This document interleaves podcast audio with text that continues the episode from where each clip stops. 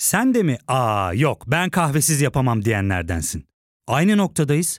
İlk ve tek kahve üyelik uygulaması Frink'le tanış. Hem bütçeni koru hem de hiç bitmeyen kahvenin tadını çıkar.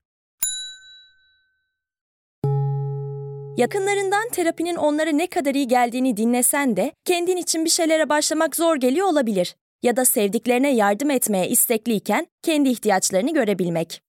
Hayvel, uzman psikologlarıyla kendi ihtiyaçlarını bulmanda sana destek olacak. Terapi yolculuğuna başlamak için detaylı bilgi bölümün açıklamalarında.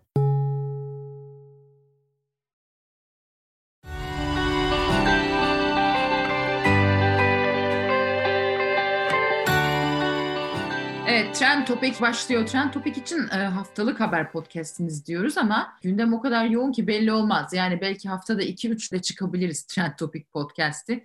Onun için sürpriz bölümler için takipte kalın. E, tabii korona ile devam ediyoruz. Korona ve eğlence sektörü üzerine konuşacağız, konuşturacağız bu sefer. Malum evlerimize kapandık. Yani tabii kapanabilenlerimiz kapandık. E, çalışmak zorunda olanlar var. Onun dışında insanlar evlerinde oturmaya çalışıyorlar. Şimdi evlerinde oturanlar ne yapıyorlar? Gördüğüm kadarıyla evlerde bol bol spor tüketiyoruz. 202 kişi karın çalışacak. 204. Aman yarabbim. 2000 tekrar. Six pack deyince herkes tabii bir kendini kaybetti. Kaç oldu? 300. Hazır. Planktesin. Planktesin. Şimdi bana dokunuyor herkes. Şimdi bana dokunuyor herkes. 25 25. 1 1 2 2 3 3 high five 4 push push Ece iyice bana benzedin kardeşim. İyice push push 13 Şimdi bu Halil Kılıç'ın Instagram hesabından yaptığı günlük antrenmanlardan bir tanesi. Pek çok antrenör gibi, pek çok sporcu gibi, spor eğitmeni gibi günün belli saatlerinde Instagram hesabından canlı böyle işte antrenmanlar paylaşıyor insanlarla. İnsanlar da canlı yayında hoca ile beraber bu ev antrenmanlarını yapabiliyorlar. Tabii Halil Kılıç tek değil, bunun gibi pek çok eğitmen var. Şimdi markalar da gördüğüm kadarıyla bu işe girmiş durumda. Mesela Boyner bir takım online spor derslerine sponsor oluyor. Adidas bir online ders aplikasyonu yapmış. E, bu krizin başından beri diyoruz ya bu kriz sektörleri şekillendirecek diye. Bakın işte mesela spor daha doğrusu fitness alanında bu şekillenmeyi görüyoruz.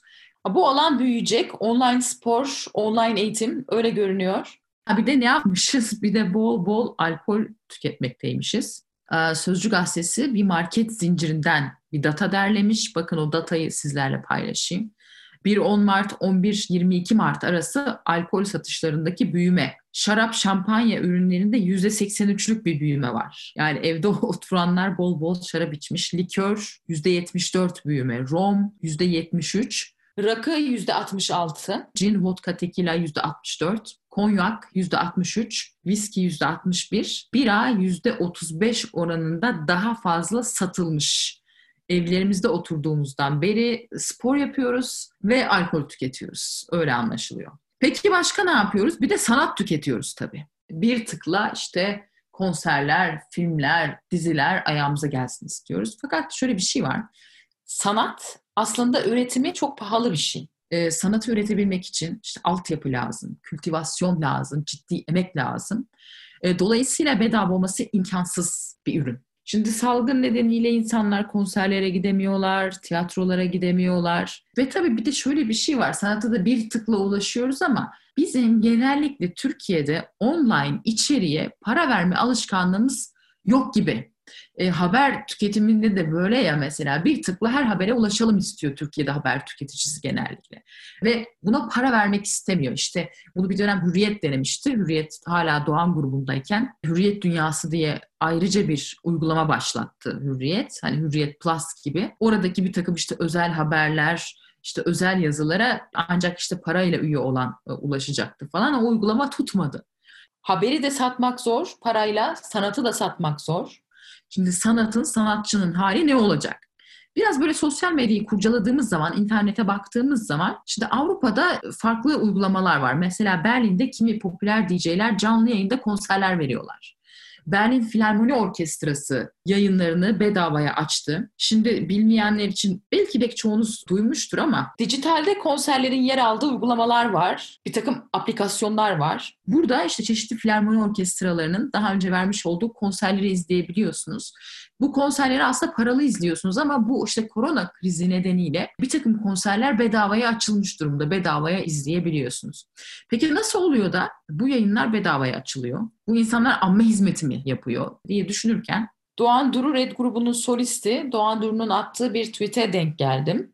Almanya koronavirüs tedbirleri kapsamında faaliyet ve etkinlikleri askıya alınan sanatçıları desteklemek için 50 milyar euroluk destek paketi açıkladı demiş Doğan. Doğan'ın tweet'i üzerine baktım evet gerçekten öyle yani. Almanya böyle bir destek paketi ayırmış Alman sanatçılar için. Tabii bizde böyle bir paket malumunuz söz konusu değil. Bizde açıklanan paket işte e, ev kredilerinde takım kolaylaştırma önlemleri içeriyor. Uçak bileti alırken bir miktar daha ucuz alınacak falan. Bizdeki paket böyle bir şey çıktı. Yani kime hayrı var belli değil. Şimdi e, peki sanatçı ne yapacak? Bunu konuşacağız.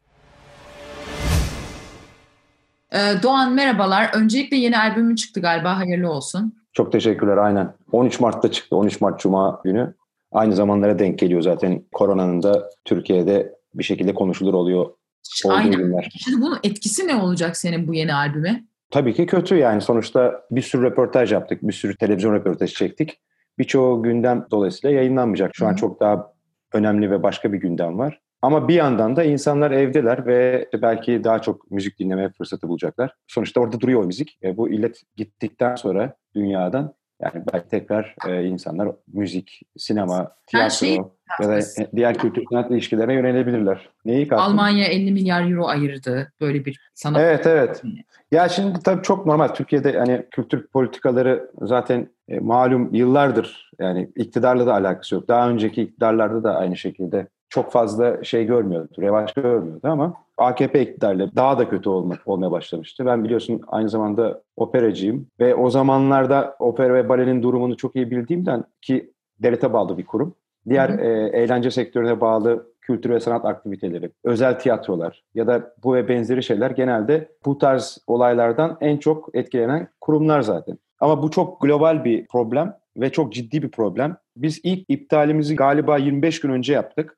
O zaman insanlar işte bu kadar hayatlarını kapatmamışlardı ve biz uçağımızı iptal ettik, konseri iptal ettik. Hatta bu yüzden de epey eleştiri aldık. Ama iyi ki öyle yapmışız çünkü daha da kötüye gitti her şey ve daha da kötüye gidecek belli ki. Ama tabii sadece biz değil, çalışmak zorunda olanlar, kendi mesleklerini yapanlar bir şekilde zor duruma düşüyor böyle koşullarda, böyle durumlarda. Çünkü mesela online konserler var bir yandan ha? işte. Mesela bu acaba sektör oraya mı kayacak? Fakat online konserlere kayılırsa o zaman sadece sponsorlar üzerinden mi para kazanabileceksiniz? Nasıl, ne öngörünüz nedir? Ya biz online konser daha önce veriyorduk. Aslında yapılan bir şey online konser. Yeni bir şey değil. E, yeni gibi gözükse de. Ama şu anda bir takım sponsorlarla konserler yapıldığını ben de görüyorum. Yapılabilir, e, çalışabilir bir sistem. Ama ben bir aydır aşağı yukarı evdeyim. Yani 23 hafta falan oldu. Biz de mesela band olarak bir araya gelemiyoruz. Yani herkes tek başına bir şey yapmak zorunda. Bir araya geldiğimiz zaman zaten o karantinayı bozuyoruz. Dolayısıyla bizim adımıza bir araya gelip yani red olarak bir konser vermemiz e, neredeyse imkansız. Ama teker teker bir şey yapabiliriz belki. Ben bunun deneneceğini ve buradan bir şey çıkacağını düşünüyorum. Bir taraftan da yaza kadar bu işin çözümlenmesi için de umutla hayal kuruyorum. Yani başka Siz Almanya'daki gibi bir destek paketi açıklanmış olsa falan en azından işte ne bileyim eğlence vergisi falan diye bir şey var değil mi? Bir konser verdiğiniz zaman vesaire. O en azından o vergiler askıya alınsa nasıl olur? Ya şimdi çok zor bir sektör. Yani sektörleşmemiş bir sektör olduğu için bu konuya ben çok iyimser olsa bile devletin çözüm bulabileceğini sanmıyorum. Yani biz burada çok küçük bir parçayız bence toplumun tamamına yönelik bir açıklama, bir destek açıklaması herkesin işine yarayacaktır. Yani bizim özelimizde bir şey ben bile hayal edemiyorum. Yani böyle bir şey ben düşünemiyorum. Çünkü müzik sektöründe çoğu şey zaten kurumsal değil. Dolayısıyla iptal edilmiş konserlerin parası mı verilecek? Mümkün olmaz. Bir sürü mekan var. Ee, onlara destek mi verilecek? Hangi birine verilecek? Orada çalışan garsonu var, orada çalışan barmeni var, teknisyeni var. Bana insanları rahatlatacak daha toplumsal ekonomik yardımlar, paketler daha faydalı olur gibi geliyor. Yani Almanya'nın yaptığı şey işin kaymağı. Onun Türkiye'de olacağını zaten hiçbir şekilde düşünmüyorum. Ama kaldı ki e, şu an işe gidemeyen garsonu var, barmeni var.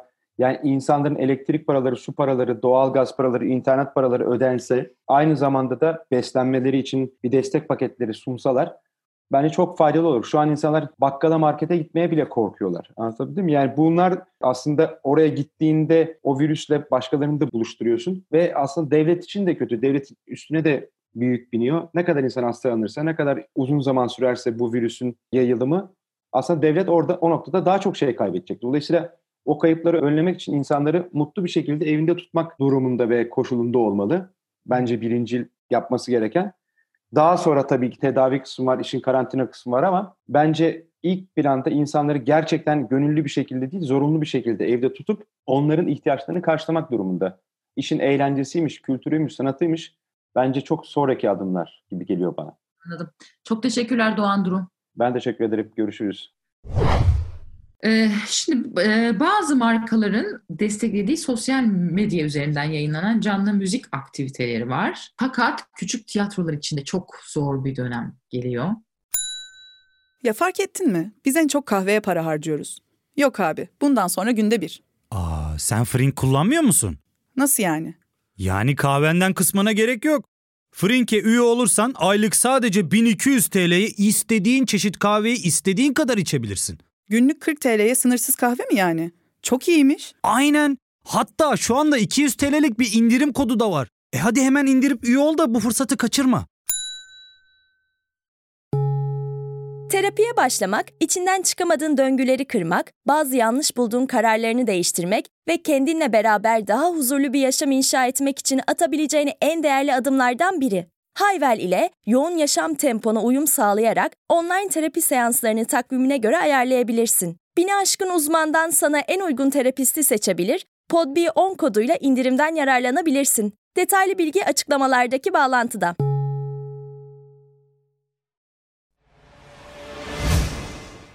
Mert Fırat merhabalar. Merhabalar. Şimdi bu virüs, bu salgın sanatı da vurdu, onu da konuşuyoruz. Tiyatrolar, tiyatrolar ne yapacak? Şimdi siz Dastas'ta ne yapacaksınız? Biz şimdi aslında Dastas'ta bir süredir duruyoruz tabii. 10 Mart, işte 12 Mart gibi kapattık. Devamında var olan projelerimizi yeniden gözden geçirmeye başladık. Önümüzdeki sezonda hangisiyle devam ederiz, ne yaparız? Tam öyle bir süreçteydik. Tam böyle yeni repertuarı yapmıştık zaten. Onun kastı ve hazırlıkları içindeydik. Tabii şimdi onu biraz durdurduk çünkü bir sezonluk bile bir iş yapmamış olduk aslında. Yani bizim sezon genelde Eylül-Ekim ayı gibi açılır. Ekim, Kasım, Aralık. Ocak derken Şubat'la birlikte zaten bitti. Yani Mart, Nisan, Mayıs ve Haziran'a devam eden o dört ayı yaşayamadık ki biz tiyatrolar olarak e, hem tiyatro kooperatifi olarak hem de Kadıköy'deki platform olarak aslında sezonu mümkün mertebe uzatma kararı almıştık. Hani bize bu 8 ay, 9 aylık süreç yetmiyor bizim kendimizi sürdürmek için 9 aydan öte Haziran, Temmuz, Ağustos'ta da mutlaka bir şeyler yapıyor olmamız lazım ve tiyatrolarımızı açık tutalım diye bir karar almıştık. Ama tabii böyle bir şey olunca olay bambaşka bir yere geldi. Şimdi bakalım hani kimler nasıl hayatta kalacak, nasıl ayakta kalacak? Bir yandan onun da mücadelesini veriyoruz. Herhalde küçük tiyatroların hiç şansı yok, öyle görünüyor. Yani aslında bence küçük tiyatroların e, şansı yok değil. Yani eğer şimdiye kadar kurulmuş daha başta kurduğu yapıyı yani minimum personel, minimum gider ve hani birazcık da e, biriktirebildiği bir şey varsa ki küçük tiyatrolarda bu çok zor oluyor tabii. E, gerek işletmecileri için gerek oradaki işte e, dönen yapı için çok zor oluyor. Bazıları da öyle bir temkinle yaklaşmış olabilir diye bir umudum var. Ancak öyle devam edebilir diye düşünüyorum ama bir yandan işte devlet desteği bekliyoruz bir taraftan. İşte belediyeler bu konuda çok duyarlılar hmm. ama imkanları kısıtlı sabit giderleri nasıl azaltacaksınız? Bir yer kirası ödüyorsunuz değil mi? Belki devamlı evet. çalışan bir personel var. Bu personelin maaşları ödenmeye devam edecek. Şimdi devlet desteği belediyelerden desteklediniz ya. Ee, mesela bu anlamda mı bir devlet desteği? Nasıl devlet destek olabilir tiyatrolara? Evet aslında şimdi yani bizim ön gördüğümüz şeyler işte bu tam da kiralar, kiralardan doğacak stopajlar, maaşlardan doğacak SGK'lar, maaşlardan doğacak stopajlar, bütün hepsinin vergileri. Ve tabii hani iş yapmadan maaş verebilmek imkansızlaşıyor tabii belli bir zaman sonra. Durum da çok ortada e, pandemi, yani global krizin içindeyken şu an tek destek verebilecek tam anlamıyla devlet. Devlet bu noktada bizim e, mevcut varsa vergi borcu onu ötelemeli. Yoksa işte bu devlet kredisi aslında böyle bir yıl geri ödemesiz devlet kredileri, devlet destekli krediler oluyor. Neden devlet destekli kredi diyoruz? E, bu tip durumların içinde aslında kredi çekerken arkadaşlarımızın ya da işte bu girişimcilerin diyelim ki işte bazı teminatlar ödemesi gerekiyor. Ticari olarak herkes için öyle zaten. Ve bir teminat göstermesi gerekiyor. Ya mektup olarak ya nakit olarak ya bir mülk olarak filan taşınmazı olması gerekiyor filan. E, onları olmayan tiyatrolar çok mümkün. Platformda 60, kooperatifte 38 tane tiyatroyuz biz. Yani dolayısıyla sadece İstanbul kapsayan bir şeyden bahsediyorum ben. Daha da kapsayıcı olmaya çalışıyoruz yaptığımız toplantılarla, devam da ettiriyoruz o toplantıları. O tarafta görüyoruz ki biz ancak bunu böyle ileri vadeli kredilerle, ödenmez hibelerle aşabiliriz. Başka türlü buradan çıkış yolu çok zor görünüyor. Olabilir mi? Yani bir online'a üretime geçebilir misiniz belki bilmiyorum. Yani online açık bir, takım tiyatrolar belki online'dan bilet satma yani böyle bir şeye dönüşebilir mi acaba bilmiyorum. Bir süre öyle devam ediyor. İnsanlar böyle içerikler üretiyorlar ama şu anda bir şey satmak o kadar zor ki. Yani bu e, şartların içindeyken insanlar evlerinden çıkamıyor. Yani hepimiz aynı krizin içindeyken ve hepimiz aslında iş üretemiyorken şimdi ben başkalarının gözünden, seyircinin gözünden de bakıyorum. Sağ olsunlar hani çok da destek veriyorlar o anlamda ve ayakta kalmamız için de çok e, kaygılanıyorlar, mailler atıyorlar, çeşitli sosyal mecralardan yazıyorlar bize aslında. Ama şöyle bir şey var ki yani desteksiz olmasına imkan yok. Dijital şimdi ve buradanın gücünü bir yere kadar aslında karşıya yansıtabiliyor. E tabii bir, bir noktada bizi idare edebilir. Bazı finansal küçük problemleri çözebilir. Ama yani birebir o işletme kültürünün içinde var olan şeyleri çözemez. Gelirleri çözemez. Ama şeyler var. Tabii mesela böyle hani işte maaşın yüzde altmışını karşılandığı bir aynı zamanda COSGAP'in de açıkladığı bir kredi var. IGEA diye bir şey var. Bir işsizlik fonu. Oradan böyle bir Ama şey ona başvuran iş insanlarıyla konuşuyor gazeteciler de bayağı zormuş galiba onları almak. Çok kolay değil diyorlar yani. Evet kağıt üstünde çok kolay gibi görünse de öyle değil aslında. Bir yandan da bizim kooperatifin yani şeyinden de sürekli paylaşıyoruz. Bu arada biz bakanlıkla da bunu konuştuk. Yurt dışındaki diğer modelleri de aktardık. Hani ne oluyor ne bitiyor. İşte İngiltere ne yapıyor, Almanya ne yapıyor. Almanya'da mesela 50 milyon euroluk bir tam böyle küçük tiyatro ve işte bağımsız tiyatro işletmecilerine, freelance sanatçılara falan böyle ayrılmış bir bütçe var. 50 milyon euroluk. İngiltere'de keza çok ciddi bir bütçe oluşturdular. 180 milyon poundluk, 190 milyon poundluk Art Council bir fon açıkladı İngiltere'de. Sürekli böyle benzer paketler açıklanıyor. Evet Mert Fırat bir dizi boyutu var işin tabii. Şimdi bu setlerin durması durmaması meselesi. Duran setler var, durmayan setler var. Sen ne diyorsun? Yani örgütlü ve örgütçü bir oyuncu olarak. Yani durdurmamak imkansız setleri. Yani zaten halk sağlığı için karar alıp biz kendi tiyatrolarımızda uyguladık. Zaten ondan sonra kamunun kararı da bu yönde oldu. Hatta ilk haklarını yemeyelim onlar harekete geçtiler o tarafta. Kendi etkinliklerini durdurdular. Sonrasında zaten biz de devam etmemiz imkansızdı harekete geçtik ve hızla durdurduk. Mart sonunda artık etkinliği devam eden hiçbir tiyatro kalmamıştı zaten ya da gösteri merkezi özelde. Dizilerde de şimdi bu aynı şeyi beklememiz gerekiyor şundan dolayı. Ya orada da çok ciddi bir yayılma gücü olabilir. Çünkü en ufak sette 70-80 kişi çalışıyor.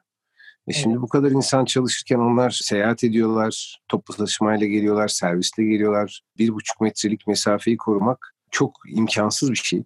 Dolayısıyla bir şekilde etkileşiyorlar. Ben yani hiç doğru bulmuyorum ve bununla da ilgili zaten Oyuncular Sendikası ile de birlikte desteğimizi de veriyoruz.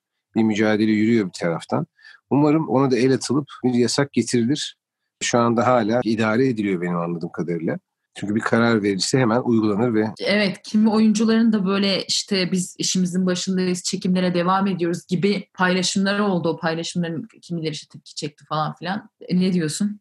Valla kimlerin paylaştığını takip edemedim. Ama yani burada işimizin... Erkan paylaşmış onu söyleyebilirim sana biliyorsun. Dün epey sosyal medyada şey paylaşıldı Erkan Petekkaya'nın videosu. Ne diyeyim hani artık ya şu oyunculuk neden yapılıyor? Erkan özelinde söylemiyorum. Kendisini tanımıyorum zaten. Ama hani dizileri, televizyonda işte yaptığımız işleri falan sadece para için yapmıyorsak yani benim birçok arkadaşım da öyle yapmıyor. Oradaki ekipler de öyle. Tiyatro da aynı şekilde. Orada bir misyon var. Ortak dertlerin çözüm noktası bizim için aslında sahne. Ekran. Yani de yaptığımız iş. Yani şimdi oradan o amaçtan sapmaya başlıyor bu tip tavırlar. Çünkü o misyondan uzaklaşmış oluyoruz. Yani bunun içinde halk sağlığı da bir şey. En önemli noktası hatta.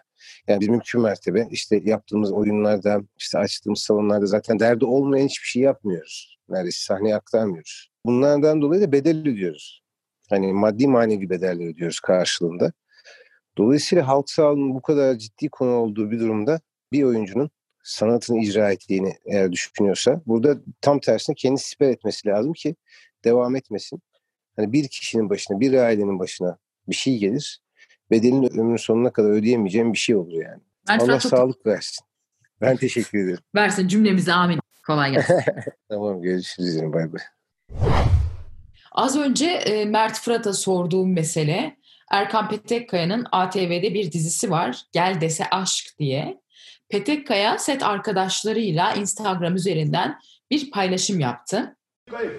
Oy korona korona nereden geldin başıma? Oy korona korona nereden geldin başıma? Hayatımdan çıktır git. Hayatımdan çıktır git. Ya hayatımdan defol git. Hayatımdan defol git. Ya Ayşe teyze Mehmet abi Halil abi Ali abi Hale Jale tüm mahalle otur oturduğun yerde. Hale Jale tüm mahalle otur oturduğun yerde. Hale Jale tüm mahalle lütfen otur evinde. Hale Jale tüm mahalle lütfen otur evinde.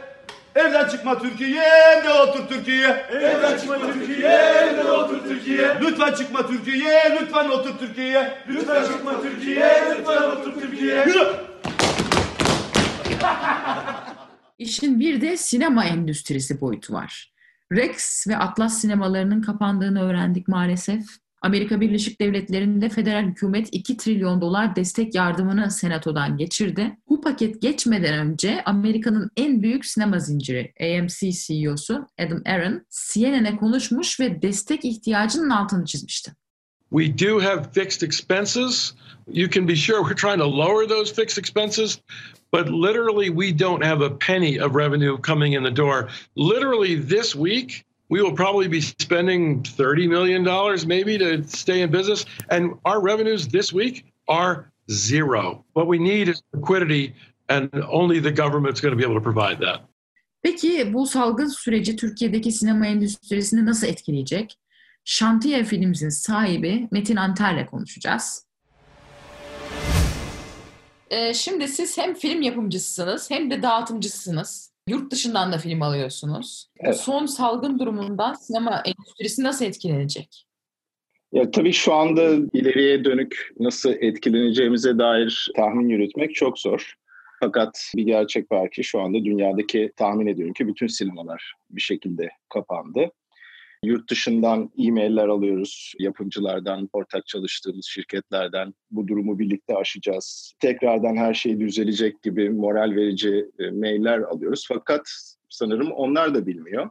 Hiçbirimiz bilmiyoruz. Hayatın ve dünyanın bu virüsten sonra nasıl olacağını, nasıl atlatılacağını bilmiyoruz açıkçası. Sinema endüstrisi adına da bir şey söylemek çok kolay değil. Evet şu anda bir şey söylemek kolay değil ama insanlar bir süre sinemalara gitmeyecekler. O belli oldu. Herhalde Evet. yani artık full online'a kayış mı olacak en azından bir sezon için? Öyle bir şey mi planlıyorsunuz? Evet zaten online'da bizim şu anda mevcut şirketimizin ve yani sektörün de birçok içeriği bulunuyor. İçerik her zaman bir şekilde bir ekran önünden seyredilecek. Bu sinema perdesi olmayabilir. Bir cep telefonu, iPad, televizyon veya bilgisayar olabilir. İnsanların bir şekilde içeriğe ihtiyacı her zaman olacaktır tabii ki. Sinema bir süreliğine olmayacak gibi gözüküyor hayatımızda Peki yani perde şey- olmayacak. Biliyor muyuz mesela işte Netflix gibi platformların kullanımında acaba böyle küresel bir patlama görüyor, görüyor olmamız lazım herhalde değil mi? Sizde bir rakam gözlem vesaire var mı? E, Yani Netflix böyle bir datayı paylaşmıyor. Belki bize gelen şeylerde TVOD yani parayla satın alınan iTunes'da olan, Apple'ın network'ünde olan filmlerimizin artışını ancak görebiliriz. Tabii ki bu da günlük bildirilmiyor bize. Ancak ay sonunda önümüzdeki ay bu ayın bütün satın almalarını göreceğiz. Ben orada bir yükselme bekliyorum.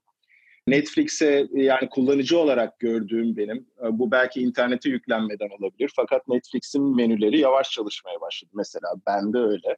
Bu da tahmin ediyorum ki ciddi bir yüklenme var şu anda Netflix'e. İnsanlar belki sadece akşamları seyrederken şimdi 24 saat bir şekilde kendilerini oyalamak için Netflix, Amazon veyahut da işte Blue TV bu tip platformlara başvuruyor. Üretilen filmlerin içeriğini de yani sinemanın da içeriğini de değiştirir mi bu acaba orta vadede ne dersiniz? Yani sinema filmi farklı bir şeydir de şimdi ne olursa olsun online'a verilen içerik daha farklı bir şeydir. Dolayısıyla bir mentalite değişikliği olur der misiniz? Ya zaten son yıllarda dijitalin büyümesiyle yapılan filmlerin de şekli, e, hitap ettiği kitle değişmeye başladı. Biliyorsunuz yani bu sadece Türkiye'de değil ağırlıklı Türkiye'de de hissediyoruz bunu. Bir şekilde seyirciye göre film yapılıyor. Çok az tırnak içinde art az veya festival filmleri dediğimiz filmler var ki yönetmeni, yazarı, yapımcısı açıkçası ne kadar sevileceğini hesaba katmadan kafalarındaki hikayenin filmi çekiyor. Fakat bunların da çok ticari karşılığı bugün olmadığından dolayı birçok yapımcı zaten uzun süredir seyirciye göre içerik üretmeye başladı bile. Evet. Şimdi siz Sofra Sırları filmini de YouTube'da ücretsiz yayına aldınız. Niye böyle bir şey yaptınız? Bir de onu sorayım.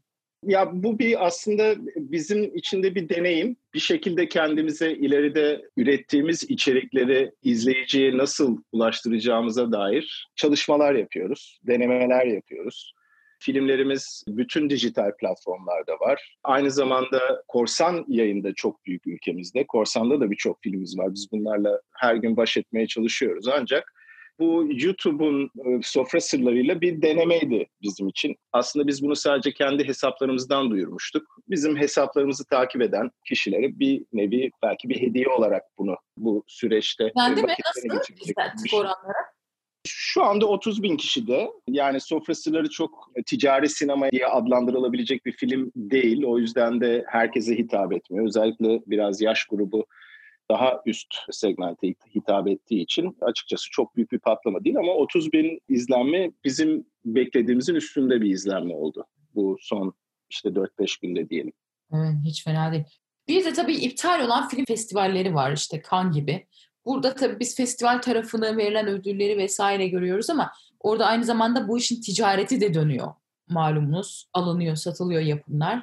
Şimdi bu tip organizasyonların iptal edilmesinin etkisi ne olacak?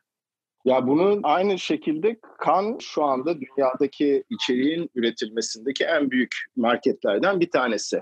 Evet gördüğünüz yarışmanın dışında orada binlerce film, binlerce senaryo daha doğrusu bizim gibi ortak yapımcılarla buluşuyor ve orada bunlar çalışılıyor ve ya yeşil ışık yanılıyor bu filmler yapılıyor ya da yapılmıyor. Tabii ki bu da anlaşmalar imzalandıktan sonra olacaktır. Bu ciddi bir şey. Özellikle sektör için kan çok çok önemli bir festival ve bir market diyelim. Tahmin ediyorum ki gelecekte fakat yine bu koronayı nasıl atlatacağız? Ne kadar kısa bir sürede atlatacağız? Eğer bir iki hafta içerisinde veya biri içerisinde bu atlatacaksak belki her şey tekrar eskisine dönecek. Eski düzen bir şekilde geri gelecek. Bu daha da uzar, daha büyük acılar, daha büyük kayıplar verirse dünya bambaşka bir yer olacak ve bir noktada da artık yüz yüze gelmeden, karşılıklı oturmadan, görüntülü konferanslar yaparak, insanların birbiriyle bu şekilde iletişim kurması sağlanarak bu projeler bir şekilde yine yapılır diye düşünüyorum. Evet, yüz yüze görüşmek çok daha etkili fakat bu süreçte belki de bunu öğreneceğiz. Birbirimize temas etmeden, belki görüntülü, belki sadece konuşarak bazı şeyleri yapıyor olacağız gibi geliyor bana. Teşekkürler Metin Bey. Teşekkürler. Evet, Trend Topik'in 3. bölümünün sonuna geldik ve bu salgının eğlence endüstrisine etkilerine baktık. Trend Topik'i Spotify, Apple Podcasts ve tüm podcast uygulamalarından dinleyebilirsiniz. Yeni bölümde görüşmek üzere.